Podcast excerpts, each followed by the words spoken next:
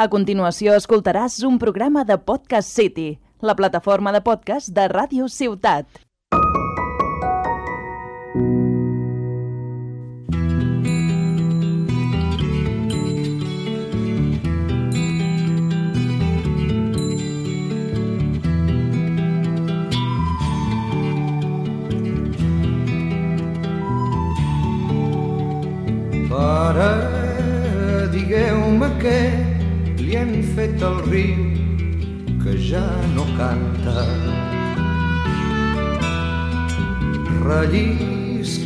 Com un barb mort sota un pap.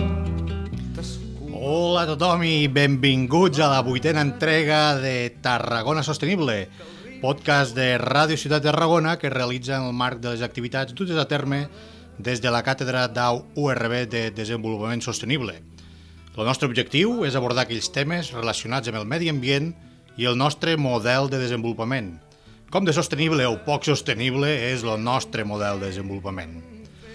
En les set anteriors edicions del programa han parlat de la mà d'experts, de la transició energètica, de la percepció del risc petroquímic al, camp, al Camp de Tarragona, de la mobilitat de turistes i residents en el marc de la Covid-19, dels serveis climàtics dirigits al turisme, sol i platja i a la pràctica del surf, dels connectors ecològics, també hem parlat d'un ensenyament de la URB molt vinculat amb les qüestions ambientals, com és el grau en Geografia, Anàlisi Territorial i Sostenibilitat, així com les seves assignatures per projecte, i, si us recordeu, en el darrer d'aquests programes vam parlar de població, dinàmica i estructura i de les seves implicacions socials, econòmiques i ambientals. I de què parlarem avui?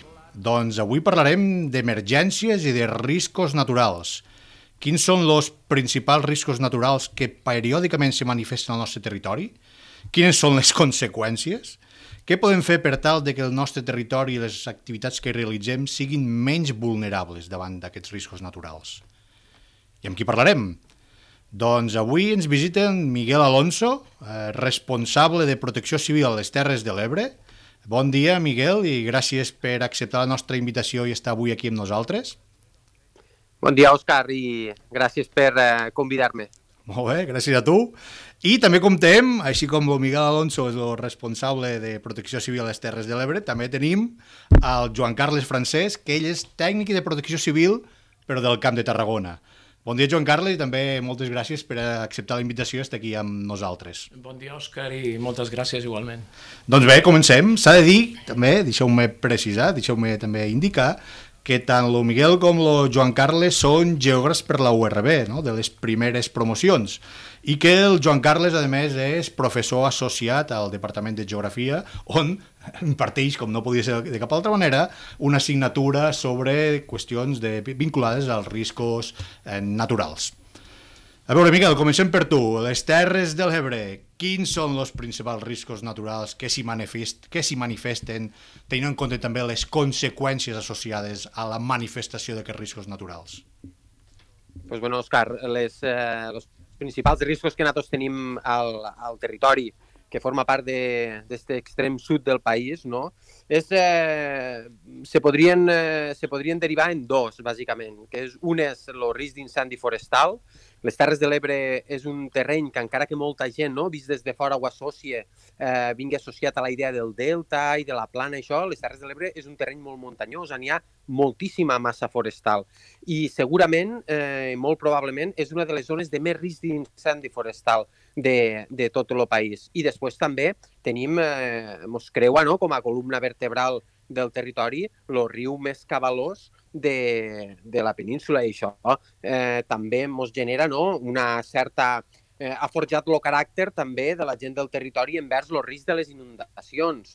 I aquí se li hem d'afegir ara, en, en, en tot el tema del canvi climàtic, també li hem d'afegir la debilitat del litoral. I, eh, i ho hem pogut comprovar, eh? En els últims temporals que han vingut eh, que han vingut gestionant. Eh, les, és un dels riscos que també m'agradaria posar en relleu i és un dels que afecta més a les Terres de l'Ebre.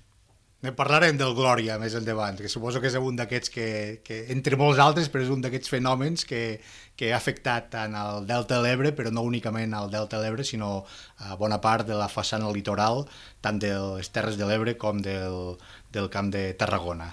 I parlant del Camp de Tarragona, Joan Carles, eh, segur que hi ha coincidències, però també hi ha diferències i matisos perquè els territoris, tot i que hi ha similituds, també presenten importants diferències. Què mos has de dir en, en el cas del Camp de Tarragona? Bé, Òscar, pel que fa al Camp de Tarragona, és molt semblant la, la dinàmica dels riscos que es presenten a Terres de l'Ebre amb els que tenim al Camp de Tarragona són molt semblants. Vull dir, no hi ha, és una perllongació de territori i és molt semblant, l'únic que nosaltres no tenem l'eix vertebrador del, del riu Ebre, el que passa que sí que tenim un conjunt de, de rius o barrancs que tenen una dinàmica diferent pel que fa al risc eh, eh, del riu Ebre, és a dir, que tenen unes, unes crescudes molt ràpides, molt intenses que duren molt poc temps i que poden tenir un, una gran afectació en determinades zones del territori. Zones del territori que també, una mica diferència de Terres de l'Ebre, presenten una alta ocupació. Si agafem tota la zona litoral i prelitoral, allí tenim una ocupació important que fa que el nivell de risc sigui també una mica més alt. Pel que fa al risc d'incendi, és molt semblant al que tenim a Terres de l'Ebre, pensem també que Tarragona és, és platges, però tenim un, també un relleu bastant, bastant potent i poden tenir uns incendis que ens poden córrer molt de territori. Incendis que poden aparèixer a Garcia, ens poden arribar, a Terres de l'Ebre, ens poden arribar a, a, a, a la Conca de Barberà. Eh, incendis que poden aparèixer a la Serra de Boix, Cardó, els poden tenir fins al Baix Camp aquesta dinàmica és molt semblant. Sí que hi ha una petita diferència respecte a Terres de l'Ebre, que també la tenen, però bueno, potser una mica més, més gran, és que aquí tenim una major eh, interacció entre zones urbanes i forestals. Tenim potser més urbanitzacions, que això fa que el risc sigui també potser una mica més important per aquest, per aquest aspecte. Sí, des del punt de vista de la gestió per part dels bombers no és el mateix que hagis d'actuar davant un foc forestal on on malauradament cremen vegetació, que si pel mig trobem assentaments o població que també es pot veure afectada. Evidentment, la, la, la gestió del risc és més difícil perquè no només has d'aturar el foc en la seva extensió en el territori, sinó que has de protegir la població i això fa que, que sigui més, més complicat. Sí, sí. Molt bé, el Miquel ho ha insinuat, ho ha deixat anar abans, doncs eh, parlem-ne, parleu-me una mica del Glòria, no? Bueno, hem de dir Glòria, la Glòria, ho hem de dir en castellà, eh, això és una cosa que també, si voleu, si voleu parlant, no? que fa el gener va fer va fer un any de que mos va visitar, des de llavors mos n'ha visitat algun altre mes, però, però Glòria, déu nhi i, i clar, parlàveu d'inundacions, no? ja sigui desbordament del riu Ebre, eh, o de barrancs o rieres que tenim a la zona del Camp de Tarragona, però clar, el, el risc d'inundació no únicament és pel fet de que pugui ploure d'alta intensitat i que aquestes lleres, barrancs, rius se desbordin, sinó que també el mar directament doncs, mos penetri eh, més o menys cap a l'interior i aquesta penetració cap a l'interior també dependrà de la, eh, de la, del relleu, no? de, de si és més pla, si hi ha més desnivell, si és una continuïtat de, de molt poca altitud sobre el mar, i penso en el delta, en el delta, en el delta l'Ebre. Mm, un altre dia, i ara parlo amb el Joan Carles, ja parlarem, eh, no? si fa poc més d'un any va haver el Glòria, també fa poc més d'un any va haver l'explosió al polígon sud, eh, ja parlarem un altre dia dels riscos tecnològics, avui ens centrem en els riscos naturals, no? Mm, Glòria, com ho vau viure, no? eh, tots ho vam viure, però vosaltres com a responsables de protecció civil a Terres de l'Ebre i al Camp de Tarragona, com ho vau viure? No? Expliqueu-nos aquesta experiència. Sí, pues bueno, Òscar, eh, és una gestió, és, és, en certa manera fa certa gràcia, eh, perquè ara estem acostumats a que els temporals portin noms, val? a fruit de, de l'acord de les agències eh, meteorològiques d'Espanya, de, d'Anglaterra i, de, i de França. Però, si recordeu, l'any 2018, eh, a l'octubre del 2018, vam tindre una, vam tindre unes hores, perquè pràcticament se va produir tot en, en unes hores de tarda i nit, eh, vam tindre un impacte fortíssim d'un temporal de llevant que va deixar desperfectes i vam haver de, de lamentar una mort a, a les Terres de l'Ebre. Eh, allò va ser un avís i el Glòria va ser no, la posada, diguéssim, en comú de que el, este nou risc, entenent nou com, com, com el que tu dies, eh? ja no tenen tant les inundacions com a sobreiximents de les lleres, dels rius i dels barrancs, sinó d'aquest impacte tan fort que té, que té el Mediterrani eh, sobre la costa. I això és degut a la vulnerabilitat, o sigui, el nivell de, de risc se veu incrementat, un, perquè el perill cada vegada degut a conseqüència del canvi climàtic és més gran, però també el nivell de vulnerabilitat. I aquí entra en joc eh, tot el tema de, de la planificació i dels espais naturals. Eh, nosaltres hem notat aquí molt de, molt de canvi en això. Per què? Perquè el delta de l'Ebre, que és el foco principal d'impacte, eh, cada vegada està més debilitat a conseqüència de, del canvi climàtic. I aquí, a més, li hem de sumar que el Delta de l'Ebre no és únicament un espai natural, sinó que és un espai que està antropitzat, absolutament antropitzat. I, per tant, hi han activitats econòmiques i hi han poblacions. I aquí és on està l'impacte d'estos nous temporals, com la Glòria, que, que va deixar, que mos va deixar este, este impacte sobre el medi que després va tindre conseqüències, com, com ja vam poder veure, conseqüències econòmiques. És algo que hem d'estar de, acostumats a gestionar i que això començarà no en la, diguéssim, en la intervenció pròpiament dita, sinó que hem de començar a treballar, i així ho estem fent des de fa un temps, s'han de començar a mirar tot el tema de la previsió del risc i de la prevenció. Això és importantíssim per a crear espais que siguen menys eh, vulnerables, que siguin menys exposats al risc i així poder gestionar les situacions d'emergència que s'acabaran donant sí o sí, poder-les gestionar en les millors garanties.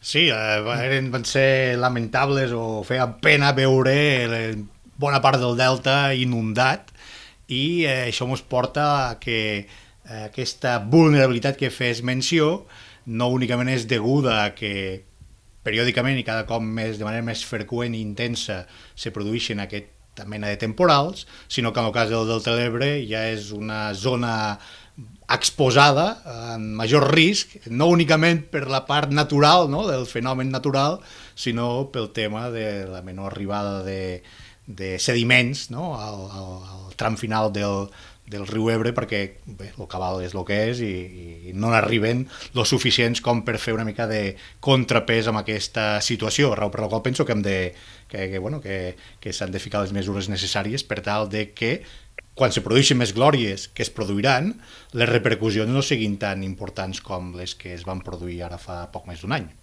Exacte, per això m'agrada sempre parlar de la previsió, ja no de la prevenció, perquè prevenció ja, ja la treballarem, perquè és fer, és, és, és diguéssim, dissenyar estratègies per a fer front a situacions de risc que vindran. Però la previsió és saber que hi, hi, hi ha accions que poden no estar vinculades en, eh, en, en, la pròpies, en les pròpies gestions d'emergència, però sí que són definitòries a l'hora de crear espais segurs. I el que tu molt bé comentes, el tema dels sediments del delta, o sigui, el delta està dèbil, no pel que, per, perquè hi ha una creixuda del nivell del mar i es va menjant eh, més terreny, sinó perquè els sediments que haurien d'arribar perquè el cabal ecològic del riu no és el que toca. I aquí és quan aquests efectes de previsió no, els hem de posar damunt la taula i hem de dir si volem espais més segurs, eh, fem estratègies de més llarg eh, abast. Bé, Mm, Camp de Tarragona és... Sí, és... És, és... Bueno, el fenomen va ser molt semblant, va haver-hi una afectació àmplia a tota la franja litoral, potser sí que va ser un fenomen que no va ocasionar tant de problema com el que havíem tingut uns mesos abans amb les inundacions del Francolí. Nosaltres sí. aquí havíem patit les fortes inundacions del Francolí el, a l'octubre del 2019, repetitives també, eh, perquè quasi cada 50 anys es donen. Potser sí que aquest fenomen, el darrer havia sigut fa 25 anys, el 94, i com comenta el, el Miquel, el problema és que és, és un fenomen que és recurrent i aquí el tema és l'afectació la, la, a zones vulnerables o zones exposades amb elements vulnerables. La planificació del territori és la que és hi ha zones que s'han inundat sempre o que es poden inundar sovint i que estan ocupades per elements eh, vulnerables. Això fa que sigui una difícil gestió i hem de treballar per corregir o adaptar-nos a aquestes noves situacions que han de venir, millorant l'exposició dels elements vulnerables. Perquè els fenòmens ja sabem on es donen els fenòmens de perill, sabem quines zones s'inunden, sabem quines zones poden quedar afectades i el que hem de treballar és en la gestió d'aquestes zones que poden generar problemes de l'aspecte de la, la vulnerabilitat i l'exposició dels elements vulnerables, que és un dels àmbits en què treballem darrerament força des de, des de la protecció civil.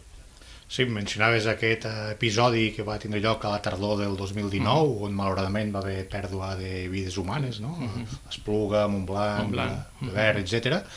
I, eh, eh, per altra banda, lo, lo Glòria, jo recordo les imatges, de la platja de Torredembarra o altres platges en què Platja llarga. la, la, la, la llengua de mar va arribar fins a bueno, fins a la primera línia de la, de, la, de la costa. Clar, aquí la pregunta és mm, bé, hem de mirar de mitigar la nostra contribució al canvi climàtic, la part que té això en relació a aquests fenòmens, però mm, voldria que em parléssiu de la segona part, no? el que és el de l'adaptació.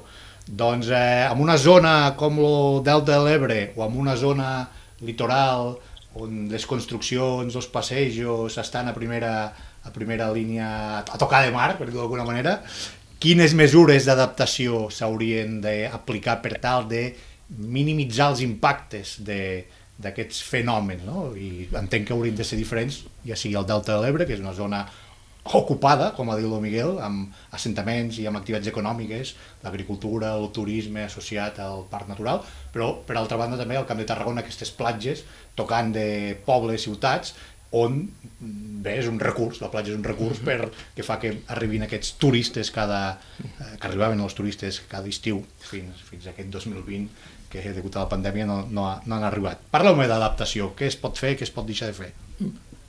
Bueno, el, Jo, jo penso que hi ha una, una qüestió que, que és fonamental per entendre de forma més integral la planificació del territori, que és eh, comptar en els riscos. Hasta ara tenim una, una llei de territori que ho diu molt clarament, eh? és, un, és una directriu de les directrius eh, urbanístiques, diu que està prohibit edificar en aquelles zones que siguen de risc. Clar, això què significa? Això significa que per molt que volguéssim ocupar nous espais, per molt que volguéssim fer defenses de protecció d'algun risc molt concret, la natura, al final, sempre acaba posant els límits. És allò que diuen los nostres, eh, la nostra gent gran, no? Aquí a les Terres de l'Ebre se diu molt. Quan, los, eh, quan el riu Ebre trau les escritures, eh, ja, se sap, eh, ja se sap de qui són els terrenys. Pues, eh, hem d'aplicar una mica aquest sentit la planificació, la, la planificació que vindrà del territori ha de tindre en compte els riscos, perquè i és, eh, seran un dels eixos, i així ho, fa, i així ho està demostrant la Unió Europea en, en, en tota la seva planificació, eh, els riscos, la gestió dels riscos ha de ser una part, diguéssim, sobre la qual ha de pivotar eh, tota la planificació. Hasta ara estàvem acostumats a que la planificació tenia una part molt, eh, molt eh, dedicada no? a tot el que són les comunicacions, a tot el que són els assentaments urbans, val? però això s'ha de fer una passeta més enllà i dir, d'acord, però quins problemes hi ha aquí associats? No únicament ens podem centrar en els problemes econòmics per a desenvolupar polígons industrials més o menys grans, sinó que aquí hem d'entrar la vectorial dels riscos. I, i, I en això que vull dir, no només mirar per quins riscos estem afectats, sinó si hi ha un risc que ens afecta, intentar buscar alternatives en aquest planejament. I això és el que, lo que s'ha de... I això jo penso que tenim ara entre 15 i 20 anys per davant en, eh, en el vector del risc. S'ha de posar damunt de la taula i, i, i damunt de, de, de les lleis que regularan l'ocupació del territori, la planificació del territori, i ha de ser una, diguéssim, un dels pals de paller de la nova planificació. Però, Carles? Abans ho hem comentat, al final el que hem de tractar és de reduir la vulnerabilitat. Nosaltres de Protecció Civil hi treballem, eh? en, en tots els planejaments urbanístics que ens arriben, fem uns informes per fer que no hi hagin més elements vulnerables en zones de, en zones de risc, és a dir, per fer que les situacions de risc siguin gestionables. Tu has comentat, tot allò que ja està fet, què fem? Bueno, hem de buscar maneres o formes tècniques de que la, la solució es pugui corregir sí que hi ha. Ara, en zones inundables o en, en quan se canalitza una llera d'un riu o un barranc, ja no és només ficar formigó i ficar murs de defensa. Hi ha noves maneres de gestionar el risc, com mm, obrir zones eh, inundables, que puguis inundar camps o puguis inundar determinades zones perquè el riu aigües avall perdi, perdi energia. És a dir, sí que es poden anar implementant nous sistemes de, d'una gestió potser més natural del, del, dels fenòmens de perill eh, al final hem d'anar que eh, el risc eh, hi és i existirà i ens hem d'adaptar. Eh, L'oficina de, de, de gestió dels riscos de les Nacions Unides va, va cap, a, cap a aquí. Hem de ser més resilients davant del risc, és a dir, els riscos ens afectaran, el que hem de fer és adaptar-nos i respondre de manera ràpida a les diferents situacions. I hem de buscar això, reduir la vulnerabilitat amb el que puguem, a través de la planificació, i de les coses que ja estan fetes, intentar minimitzar-les amb, amb noves formes de, de, de tècnica, no? de, de formes més, més associades al, al, al medi, al, al, al medi ambient, i, i, i no vol dir que haguem d'implementar noves tècniques, eh? com he comentat, doncs, sistemes de drenatge diferents dels que teníem fins ara, i evidentment s'hauran de seguir doncs, fent murs de contenció en determinades zones, però bueno, hem d'anar evolucionant cap a aquests nous, noves formes o nous sistemes. No, està clar que s'han ocupat parts del territori que potser no s'haguessin hagut d'ocupar o s'haguessin hagut d'ocupar d'una altra manera tenint en compte les característiques del propi territori, però ja està fet, amb la qual cosa ara hem d'intentar doncs, minimitzar els problemes i sobretot allí on encara eh, hi ha espai natural o verge, dir-li com vulguis, doncs abans de ficar segons què, eh, pensam-ho dos cops i eh, aquí, com, com esteu comentant tant està comentat tant el Miguel com el Joan Carles, la planificació és essencial. Hi ha una planificació territorial, hi ha una planificació urbanística, però després hi ha la planificació pròpia vinculada als riscos naturals. No? Parlem, parlem, parlem una mica d'aquesta planificació, no? planificació en matèria de riscos naturals, que n'hi ha de general però també d'específica pels, pels diferents riscos. No sé si voleu fer alguna pinzellada d'alguns d'aquests eh, plans vinculats amb algun risc natural en, en, específic. Sí, aquests, aquests riscos que hem comentat,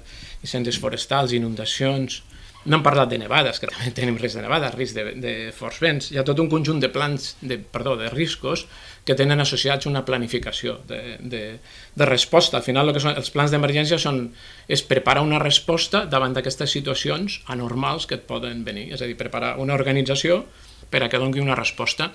Això porta associat l'anàlisi del, una anàlisi potent del risc i, i després també tota una sèrie d'implantació, és a dir, d'informació a la població i de que el pla d'emergència hi hagi una formació també dels actuants per a que aquell risc sigui una cosa, eh, perdó, perquè aquell pla sigui una cosa, una cosa viva i que, i que funcioni. És a dir, al final els plans d'emergència són la resposta a quan es dona la situació del risc. Eh, I el que ens ajudarà és a que, com hem comentat, a ser més resilients, a estar més preparats davant d'aquestes situacions d'emergència. Aquí a Catalunya Terres de l'Ebre, Camp de Tarragona, tenim molta experiència en plans d'emergència. Fa molts anys ha sigut la nostra, el nostre eix eh, vertebrador, el nostre, la nostra feina més potent, eh? tant Miquel com jo, com els companys que hi ha en altres zones de Catalunya, la nostra feina més potent ha sigut fer plans d'emergència. Perquè és una part més d'aquest gran àmbit que hi ha ara de la gestió del risc, eh? que, és, que és molt potent, eh? perquè ho integra una mica tot, però, però que, que cal, cal evolucionar. Eh? No només és fer plans d'emergència. Oh, Miguel? Sí, sí, els plans, és el que comentava el Joan Carles. Eh, hem de tendir a fer plans més operatius. I això és una, penso que és una de les assignatures pendents que, que tenim. Eh, penseu que els plans d'emergència, eh, a banda dels plans especials que s'ocupen de cada risc d'estos naturals, no? del d'incendis forestals, del de ventades, del de nevades, doncs, a banda de tot això, eh, hem de pensar que hi ha altres organismes que són competents en matèria de protecció civil, com per exemple els municipis, i que tenen responsabilitats eh, assumides en matèria de gestió de, de riscos. I aquí és on hem de facilitar que aquests plans cada dia siguin més operatius, perquè eh, venim d'una època en què el gruix dels plans era la part d'anàlisi, la part d'anàlisi del risc, no? d'intentar fer la fotografia de l'estat de la qüestió. I en tota l'experiència i tota l'expertesa que portem acumulada gestionant aquest tipus de crisis, al final eh, ens donem compte que el, que el valor veritable del pla és aquell que, que és capaç de lligar tot allò que tenim d'experiència d'anàlisi, però plasmar-la operativament. I això és, eh, i aquí penso que és una, una de les claus i és un dels aspectes que, que s'han de començar a treballar, a fer plans més, eh, més operatius. Bé, clar, hi ha aquests, eh, aquests plans genèrics no? i vinculats als riscos que heu parlat, que sigui l'Infocat, l'Inuncat, l'Obencat, el Sismicat, eh, etc. No? Però com, com, com molt bé dieu, eh, els municipis tenen la seva responsabilitat en relació a fer front a les emergències. Però clar, el Neucat, o sigui, no, o sigui l'adaptació la, del Neucat al pla de, un pla d'emergència municipal vinculat a la neu, eh, pues, hi ha municipis que no, no, no el necessiten. O sigui, com funciona el tema de quins plans d'emergència vinculats amb algun d'aquests eh, plans genèrics eh, són d'obligat eh, tindre'ls, quins són recomanats i quins no cal perquè, bueno, perquè potser no, no hi ha risc de neu. Sí. Això va en funció del, del nivell de perill que té cada municipi. És a dir, quan es fa un pla d'aquests especials, s'ha fet una anàlisi de risc allò científico-tècnica acreditat, en aquests plans el, podem trobar els, els municipis que tenen un perill molt alt o alt, aquests són els obligats. Els que ja tenen un perill més baixos, o perill més, més baix, ja no tenen una obligació, se'ls recomana o no estàs afectat pel risc. Llavors, si tu tens un perill molt alt o alt, sí que estàs obligat a fer el pla d'emergència. Jo vull comentar que l'important sí que els municipis tinguin els plans d'emergència, però també hem de canviar potser el, el model, comentava el Miquel, eh, que hem de fer que siguin més operatius. Potser fem fer documents allò molt amplis, demanant molta informació, i avui en dia la informació la tens a qualsevol... Donar-li una tecla a l'ordinador, trobes amb el Google Maps, amb el Google no sé què, trobes tota la informació. I encara demanem tota una sèrie de coses que potser sí que abans eren molt pràctiques, però avui en dia... Bueno, i llavors hem d'anar més cap a l'operativitat d'aquests plans i que cada municipi tingui molt clar el que, el que ha de fer. Un municipi molt gran, Tarragona mateix haurà de fer més coses perquè té més operatius seus eh, que estan implicats a les emergències, un municipi més petit potser no haurà de fer tantes coses, ha de tenir molt clares les, de les coses que ha de fer, eh, quines ha de fer per protegir la seva població. Eh, vull dir que petit no... i gran a què et refereixes? A, a població molt, o a superfície? Perquè pot haver Clar, però un, un municipi que pot tenir molta, molta superfície i poca població no podrà fer tampoc moltes coses d'actuacions relacionades amb el pla d'emergència. Haurà de demanar més suport al pla superior. Haurà de demanar o més bombers o més Mossos o més actuants que li donguin suport de fora, perquè amb, si és un municipi amb, amb poca població no té molts recursos. O sigui, aquí està la idea d'adaptar els plans a les diferents realitats del, del territori i no podem demanar el mateix a un municipi gran que té molts recursos que a un municipi petit que en té pocs. En aquests dos sabrem que potser els hi hem de donar més, més, més suport i és, és un model que el tenim molt present, com Marques de Tarragona com Terres de l'Ebre, que no tenim grans municipis amb grans, amb grans organitzacions municipals. Miguel? Sí, eh, és, és, és el que diu Joan Carles, eh? la planificació d'emergències ha de tendir a fer-se adaptable a la realitat municipal. Eh, tu, tu dies, Òscar, eh? eh? pot ser un municipi... De, de què parlem quan parlem d'un municipi gran o petit? És que a vegades ja, ja hem de travessar, no? hem de traspassar la línia de, de poblacional pel simple fet poblacional, de dir és més gran, té més o menys població, o de superfície, té més o menys superfície. Aquí eh, hem de trobar altres línies, com per exemple, com per exemple la econòmica, de petits municipis, però pel que sí que tenen gran capacitat econòmica, doncs la planificació d'emergències, els recursos del que podran disposar eh, podran ser superiors. Per tant, la planificació que aquesta gent ha de fer d'emergències s'haurà d'adaptar a la seva realitat. Al final, no es pot fer eh, un model eh, eh, per, al, per als 947 municipis de Catalunya. S'ha de fer un model, diguéssim, estandarditzat, però això ha de ser una base.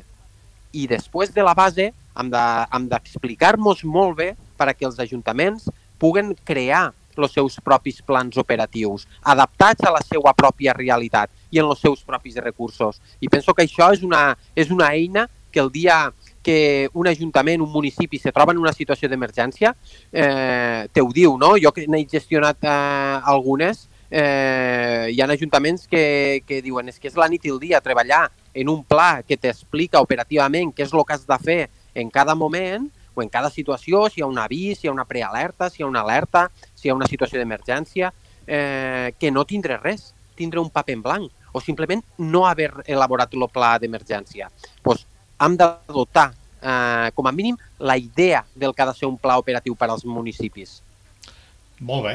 Eh, per anar acabant, sense necessitat de, de senyalar ningú, però voldria que o qualifiquéssiu Eh, quina és la situació en relació a aquests eh, plans a nivell de Camp de Tarragona i Terres de l'Ebre? Repeteixo, sense dir, sense números, sense percentatges, sinó simplement si, si poguéssiu doncs, donar una qualificació d'aquesta situació en relació al que esteu parlant de l'existència i la, el grau d'operativitat dels plans d'emergència municipals associats amb aquests riscos naturals que es donen al nostre territori. No sé. jo crec que... Sense ficar-nos en cap compromís. No, no, eh? no, Sí, no, no, no és cap compromís. Eh, hem, hem passat de... Bueno, encara tenim certs plans que són, com he comentat, eh? eh, un munt de documentació una mica estàtics. Llavors, clar, el que ho ha de gestionar s'espanta. Però sí que hem evolucionat. Eh? Cada cop hi ha molta més implicació a nivell municipal de totes aquelles funcions que han de desenvolupar els responsables quan hi ha una emergència. Sí que hi ha un canvi. També el que potser hi ha d'haver per part de l'administració nostra, de, de protecció civil, hi ha de potser una mica més de suport quan hi ha una emergència en aquests municipis, perquè sí que, mm, ja dic, tenen les idees força clares, però va molt bé que hi hagi un suport en la gestió de l'emergència per part dels diferents tècnics responsables de protecció civil quan, quan s'activa un pla. Per acabar, diguéssim, de, que s'acabaria de rodonir el, el, la, la gestió, eh? la gestió en aquest, en aquest sentit. No sé, Miquel, si... Sí. Sí, a, a nivell de Terres de l'Ebre, nosaltres vam pegar un salt qualitatiu molt important l'any 2009 en obrir-se el Servei Territorial de Protecció Civil eh, i en volcar una, una de les meves eh, obsessions, com aquell que, que diu, va ser que tots els municipis de Terres de l'Ebre poguessin disposar dels plans d'emergència. I ara mateix, eh, llevat de nou municipis eh, que, que sé que estan treballant, tota la resta tenen els plans eh, adequats a la normativa a la normativa vigent. Això ha suposat un, un gran esforç, eh, no només per part del servei, sinó també per part dels, eh, dels municipis. Però és el que vos dic, el risc eh, està a la primera plana. Eh, o, tu agafes un, un telediari i l'obris i, el, i se parla d'emergències i riscos, i riscos. Obres un diari i les primeres notícies són d'emergències i riscos. I això eh, tenim una nova generació de persones, una nova generació també de polítics, que este, este, el tema del risc lo, lo tenen bastant inculcat. I això és una oportunitat. I aquesta oportunitat ha de fer de que posen el risc a davant, al davant. Com més al davant millor. Potser no, no aconseguirem que el fiquen el primer, però sí, sí, dins del seu ordre de prioritats aconseguim posar les emergències i la gestió dels riscos al tercer, quart nivell, eh, estarem pel bon camí. I penso que aquesta és la línia que, que, que s'ha de seguir. Molt bé, doncs eh, bé, eh, ho haurem de deixar aquí. Està clar que eh, s'han de fer front als riscos naturals i és bo saber que hi ha estructures, organitzacions, com és Protecció Civil, en aquest cas a Camp de Tarragona i, i Terres de l'Ebre, en professionals geògrafs, deixeu-m'ho dir, que esteu al capdavant i que treballeu, que vetlleu per tal de reduir els riscos, per tal de mitigar els impactes d'aquests eh, riscos naturals quan se manifesten. O sigui que Joan Carles i Miguel us agraïu, agraïu que hàgiu acceptat eh, estar aquí avui amb nosaltres i bé, emplaçaus per programes específics que m'agradaria fer amb tu, eh, Miguel, per parlar específicament del, del Delta de l'Ebre i amb tu, Joan Carles, ja ho hem comentat que fent un específic eh, per parlar de, dels riscos eh, eh. Doncs eh, moltes gràcies. Agraït de la vostra invitació i, i a disposar. Quan, quan necessiteu, estem aquí. Bé, doncs, eh, ho deixaríem... Aquí. Eh, sí, digues, Miquel. Sí, no, no, que, que ja ho saps, que per a tot allò que necessiteu, que per a nosaltres és un plaer poder vindre i explicar i explicar aquesta feina una mica gris a vegades de la protecció civil, però que cada dia no, pues, eh, la gent la té més, eh, més assumida. No sé si és molt gris o poc, però el que està clar és que és molt necessària. O sigui que moltes gràcies als dos i acomiadem aquesta eh, vuitena edició de Tarragona Sostenible, agraint la, als oients doncs, que, que, hagin, que, ho puguin escoltar i emplaçant-los per una nova edició on parlarem d'un altre tema vinculat al medi ambient i el nostre model de desenvolupament. Adéu a tothom! I tancam tres panys la casa i dèieu vostè Has escoltat un programa de Podcast City, la plataforma de podcast de Ràdio Ciutat.